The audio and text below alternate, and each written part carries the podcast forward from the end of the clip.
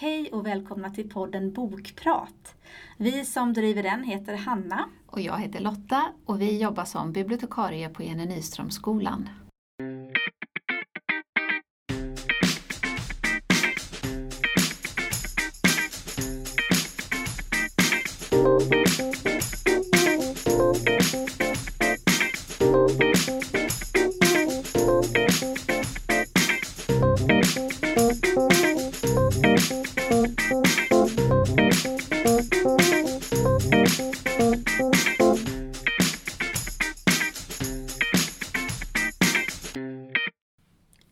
Välkomna till ett nytt avsnitt. Hej!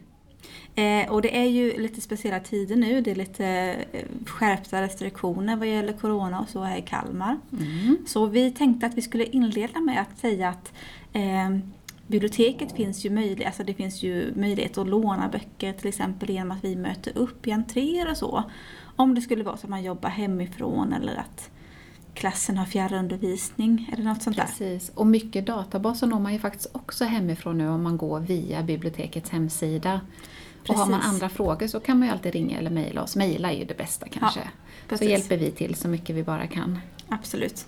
Eh, och första boken idag eh, är en bok som heter Fail. Skriven av Mitch Fredriksson. Och här träffar vi en tjej som heter Kattis. Hon har, precis i början på boken så förstår man att hon har varit med i Idol. Alltså hon har gjort en sån Idol-audition. Och den gick inte bra. Eh, och hon vet ju om det här, alltså hon gjorde ju den här auditionen då för ett antal månader eller veckor sedan.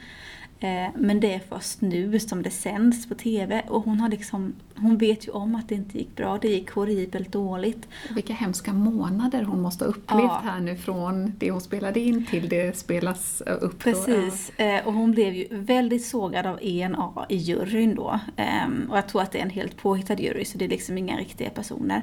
Eh, men en i juryn var särskilt, ja men ni vet det här med Idol, att det ska vara lite underhållning. Och är det någon som är, inte kanske gör så bra ifrån sig så kan det ju vara att man är lite taskig eller att det blir Ehm, Så hon vet ju det här Kattis, men hon vet ju inte om hennes klipp kommer komma med i själva sändningen. Alltså så att alla andra får se, så hon har inte sagt någonting till någon. Nej. Eh, jag vet inte om det var några som visste att hon hade gjort en audition, eh, så att hon sa att, eh, att hon har sagt något undan, alltså svävande sådär. Men hennes pappa vet inte om det och han sa tydligt nej när hon frågade om hon fick vara med. Och han sa nej. Ehm, så att, mm, ja, hon hoppas ju verkligen att det inte kommer att komma med.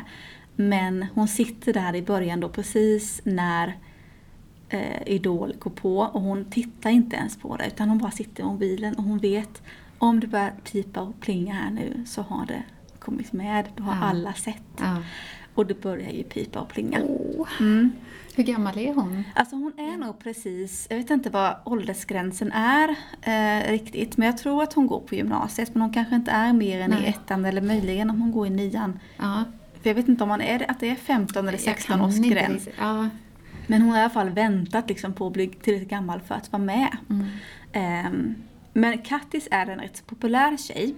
Hon eh, men är en sån där som har mycket inflytande och vad ska man säga, status i skolan. Andra ser upp till henne. Det hon säger gäller liksom.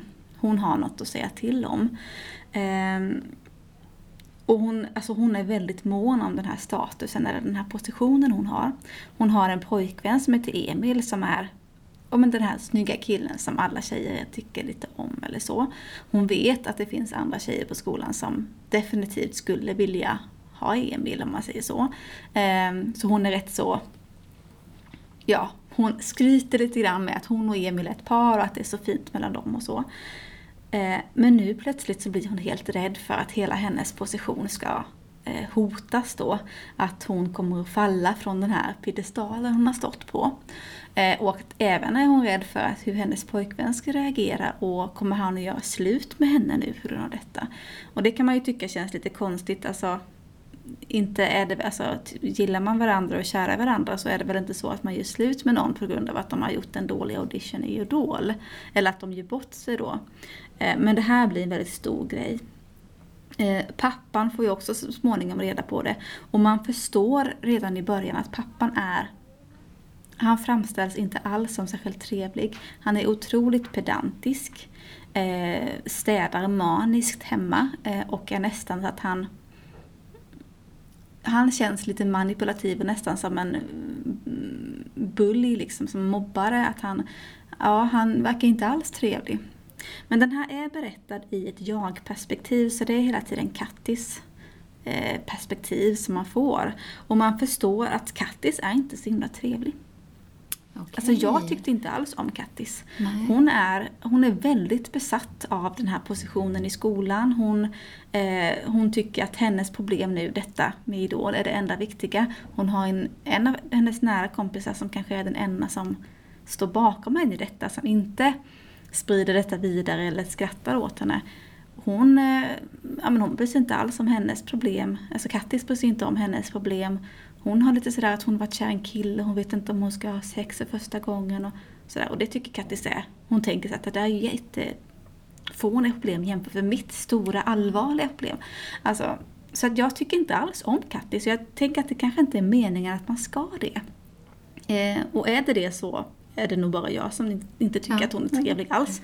Eh, så jag hade bitvis lite svårt för boken för jag tyckte att hon var så otroligt ytlig. Sen kan det väl också handla om vilket, hur man själv, var man befinner sig när man läser. Att man kan tycka att det finns så mycket andra problem som är så mycket allvarligare än detta och att det är väldigt världsligt egentligen. Att okej, okay, om man gjorde bort sig lite grann i TV, men det försvinner ju. Um, så att jag, man kan ju säkert tycka, eller jag tänker mig att man som läsare kan tycka att hon gör en väldigt stor grej av någonting som inte nödvändigtvis behöver bli lika stor. Um, men någonstans så börjar hon tänka att hon ska, hon ska sätta åt alla som driver med henne eller som försöker liksom förvärra det här för henne. Och i slutändan så riktar hon in sig på den här jurymedlemmen som sågade henne så tydligt i Idol. Och hon ska försöka, alltså någon slags hämnd. Lite hämnd, ja, lite revansch. Precis. Mm. och man förstår att Kattis hon bara snurrar runt, runt i någonting som blir en negativ spiral. Ehm, så att någonstans får man ju följa och att det kanske blir lite psykologiskt också. Men ja, jag kan inte säga att jag tyckte jättemycket om boken just för att jag tyckte att jag hade nog velat se en tydligare utveckling hos Kattis kanske. Mm. En tydligare lärdom. Men samtidigt så är det lite öppet i slutet då vad hon faktiskt tar med sig av det här. Eh, så att jag tycker absolut att handlingen lockar och att det är ju skämskuddeaktigt också ja. det här hur hon beter sig och vad hon gör och så. Eh, men mm, ett stort fail får man ju ändå säga att det var ja. för Kattis. Bra titel alltså. Precis. Då ska jag tipsa om en bok som heter Hata Gustavsberg som är skriven av Agnes Lindström. Och den är också, det handlar också om en tjej som heter Miranda, eller kallas för Mirre. Och det är en liksom, skärmig bok som jag tror att både vi som är lite äldre kan liksom känna igen oss ifrån det att vi var ungdomar och läser man den och är ungdom så tror jag verkligen man kan känna igen mycket av de här tankarna och det här man, man vet, vem är jag och vad ska jag och vad vill mina kompisar varför går den dit och jag är kvar här. Och den har mycket sådana funderingar i sig som jag tyckte var eh, bra beskrivna, hur en tonårshjärna faktiskt är lite sådär huller om buller. Ja, precis. Eh, men Miranda då, eller Mire, hon är så trött. Hon har egentligen ett bra liv. Hon har en trevlig familj med två bröder och mamma och pappa. Och hon har ett litet kompisgäng i skolan men det är inte något sådär populärt kompisgäng, men de, de har ju varandra. Det, det, är inte det här gänget som blir bjudna på fester och så. Nej. Men Miranda är så trött. Hon är trött på där hon bor, på Gustavsberg, hon är trött på skolan, hon är trött på kompisarna. Hon är så trött, uttråkad, trött. Ehm, och vill liksom, du vet, hon vill känna livet i sig, lite så att det ska hända någonting. Och hon är vegetarian och på skolan så finns det en tjej, hon heter Sanna, med blått hår. Hon är liksom rebellen på skolan. Och hon är också öppet homosexuell, den här Sanna. Eh, och eftersom de två är vegetarianer så möts de ofta i skolmatsalens kö. Och till slut så vågar Mirre börja prata med Sanna. Och då öppnar sig Sannas värld för Mirre och hon dras med i den världen och sviker faktiskt sina gamla kompisar. Och eh, Sanna går på fester, hon känner äldre ungdomar och bjuder med sig Mirre på det här och Mirre tycker ju det här är lite häftigt och lite coolt och hon får ja, hon provar alkohol för första gången och går på spännande fester som hon inte liksom aldrig hört talas om och känner liksom att ja, men nu är jag med i, i gänget sådär. Ehm, och så kommer hon också ut, och det gör hon faktiskt på en ganska rolig släktmiddag. Hon kommer ut som homosexuell också. Okay. Ja. Och, och Sanna och hon blir kära. Ja. Så det får man också följa i boken. Men sen är det ju inte så himla lätt det här, för jag tror Mirre är fortfarande ja, men i den här tonårs huller om buller hjärnan. Vem är jag och måste jag verkligen bestämma min sexualitet när jag är hon är 15-16 år mm. gammal. Så genom boken får man ju också följa, så här, är det verkligen det här hon vill och, och ska? Och sen lite, det kanske inte spelar så stor roll, hon kanske inte måste precis identifiera sig åt något håll. Mm. Ehm, men det är en väldigt, jag tyckte om boken, eh, att man får följa mer igenom det här. Och den slutar också med att hon Eh, för Mir, eh, den här blåhåriga tjejen, Sanna, hon kommer ju fram sen, hon har inget lätt liv, hon har det väldigt svårt hemma med sin mamma. Så jag tror att Mira också får lite perspektiv på sitt eget liv och på sin familj och på sina gamla tråkiga kompisar. Mm. Att det är faktiskt ganska skönt att ha de där lojala kompisarna som alltid ställer upp. Mm. Eh, och jag tror liksom boken öppnar upp sig till att man kan ha alla möjliga kompisar och man kan fortsätta och liksom växa i sig själv.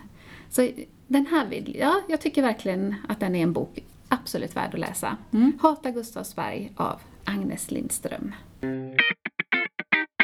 Slutligen så har jag en eh, ja, men rätt så annorlunda bok får vi ändå säga. Lite mer bux och lite mer eh, ja, annorlunda helt enkelt. Jag har med mig Nickelpojkarna av Carlson Whitehead. Och den här är faktiskt rekommenderad av Barack Obama. Oj, oj, oj. Mm, inte rekommenderad till mig personligen, Nej. men det står faktiskt på baksidan att Barack Obama tycker att den här var fantastisk. Och jag tyckte också väldigt mycket om den. Eh, eh, Colston Whitehead är helt klart en författare som vet hur man berättar. Jag har läst en annan bok av, av samma författare och tyckte jättemycket om den med. Ehm, och Nickelpojkarna, här handlar det om en kille som heter Elwood Eh, Eh, man får följa honom från när han är rätt så liten. Han har en väldigt blygsam uppväxt. Han är ju färgad eh, i USA, någonstans i södra USA tror jag att det är. Eh, han har rätt så påver liksom barndom. Han bor hos sin farmor. Ehm, de har det inte så fett pengamässigt. Han jobbar extra i någon butik och sådär. Medan han växer upp. Ehm, och han börjar någonstans där i 10-11 års åldern så börjar han lyssna på Martin Luther King. Och det här är ju då eh, 60-talet, är, är ju precis när Martin Luther King börjar med sina kända predikningar om allas rättigheter och jämlikhet och så. Eh, och eh, det här blir liksom början på Elwoods idealistiska bana. Han blir en väldigt idealist. Han börjar tänka på allas lika värde och han tror på det här att jag är lika mycket värd som någon annan. Och han blir väldigt mycket det här att stå upp för vad som är rätt. Att man respekterar sig själv genom att stå upp för vad som är rätt och agera när man ser någonting som är fel. Eh, Elwood är duktig i skolan. Han, eh, ja, det finns lite liksom, potential för honom och det är en lärare som ser det. Eh, och det här är fortfarande väldigt segregerat i USA. Eh, de berättar till exempel det här med att han går ju i en skola för färgade barn då eller färgade pojkar. Och de får de nedärvda böckerna som vita barn har använt i skolan och då har de vita barnen skrivit rasistiska saker i böckerna. Eh, för att de vet att de ska till de svarta sen då. Så det är väldigt tydligt rasistiska strukturer som man får se i den här berättelsen. Eh, men det finns en framtid som börjar skymta för Elwood. Det finns möjligheter till college och sånt där. Och precis när det livet ska börja så eh, råkar, alltså Elwood har otur. Eh, och han blir ihopkopplad med ett brott. Han är, har ingen skuld i det alls men han blir ändå ihopkopplad med det. Eh, och eh, alla de här framtidsdrömmarna om college och så bara eh, bleknade bort. Och istället så hamnar han på det som kallas för Nickel Academy. Som är en slags, men istället lite grann för fängelse eller så, så kan man komma på den här eh, som ska vara lite mer då uppfostringsanstalt eller vad man ska säga. Eh, och det heter att det här får de lära sig, de får gå i skola, de får lära sig att jobba och sådär och med disciplin och fint och så. Men egentligen så är det en, en verksamhet som utövar både misshandel och övergrepp på olika sätt. Eh, så det är inte alls någon trevlig verksamhet och det är rätt så mycket fuffens med pengar och sådär. Och Elwood lägger ju snart märke till detta, att det pågår väldigt mycket fel här. Och som den idealist han är så börjar han ju tänka på hur kan jag förändra detta? Eller det här är ju fel, jag måste ju göra någonting. Men samtidigt träffar han, på den här akademin, träffar han Turner och de två blir rätt så nära vänner. Och Turner är liksom Elwoods motsats kan man säga. Han är mer av en cynist. Han tänker att det enda sättet, enda sättet att ta sig igenom det här är liksom att spela enligt de regler som gäller, hålla, sig, hålla huvudet lågt, eh, inte liksom väcka uppseende eller så utan bara spela med tills man är härifrån. Så. Eh, Medan Elwood är ju mer det här att han, ser han något fel så vill han göra någonting åt det. Eh, så Elwood försöker på olika sätt få ut budskapet att eh, här pågår det oegentligheter. Eh, och detta leder fram till en vändning som blir avgörande för både Turner och Elwood helt enkelt. Och den här berättelsen berättas lite grann både utifrån det här, eh, det här tidsperspektivet på Nicol Academy men också när El, vi, alltså Elwood i vuxen ålder får vi också träffa. Eh, när han, tror han bor i New York och så minns han tillbaka och man förstår att Nickel Academy fortfarande präglar honom väldigt mycket. Och han, Men det har gått bra för honom i livet? Alltså man förstår på något vis att Elwood har lyckats ta sig fram. På något vis så eh, lyckas han ta sig därifrån. Han har lyckats bygga upp en flyttningsfirma och sådär. Så man får följa honom lite grann via nedsteg liksom, eller nedstamp. Eh, men saker och ting är samtidigt inte det man tror. Mm. Eh, och det är någonting man får reda på precis i slutet så att jag tänker inte avslöja någonting. Mm. Eh, men det är någonting som inte är bearbetat vad gäller Nyckelakademin och eh, Elwood i vuxen ålder då. Eh, och det är verkligen en twist kan man säga. Åh oh, vad spännande. Ja, det ja. är faktiskt lite spännande. Ja. Jag tyckte att den, den är, eh, den ger, alltså är man intresserad av det här med historia och speciellt det här med eh, men, rasismen i USA och den utvecklingen så är det här en jätteintressant bok. Och det känns ju väldigt aktuellt nu med Black Lives Matter och det finns ju många ja, rörelser idag. Absolut. Eh, så det här är mycket väl värd bok att läsa mm. och jag, tyckte att, jag tycker att han är väldigt duktig på att skriva den här författaren. Vilka bra boktips mm. vi gav idag. Och jag ska säga att den här Nyckelpojkarna finns också i Biblio som är den här e-biblioteksappen som Stadsbiblioteket har. Mm. Eh, så har man eh, möjlighet så kan man då eh, antingen så har man redan ett lånekort på biblioteket och då kan man ladda ner den här appen och logga in och så kan man låna böcker digitalt. Eller så kan man kontakta biblioteket och aktivera sitt eh, skolbibliotekskort Precis. eller sitt skolbibliotekskonto så att man kan komma åt eh, stadsbibliotekets eh, e-resurser. Då. Ja. Och det kostar ju ingenting. Och det är ju helt gratis, ja. precis. Så det var dagens tips. Ja, vi syns nästa vecka. Ja, gör vi. Hej hej!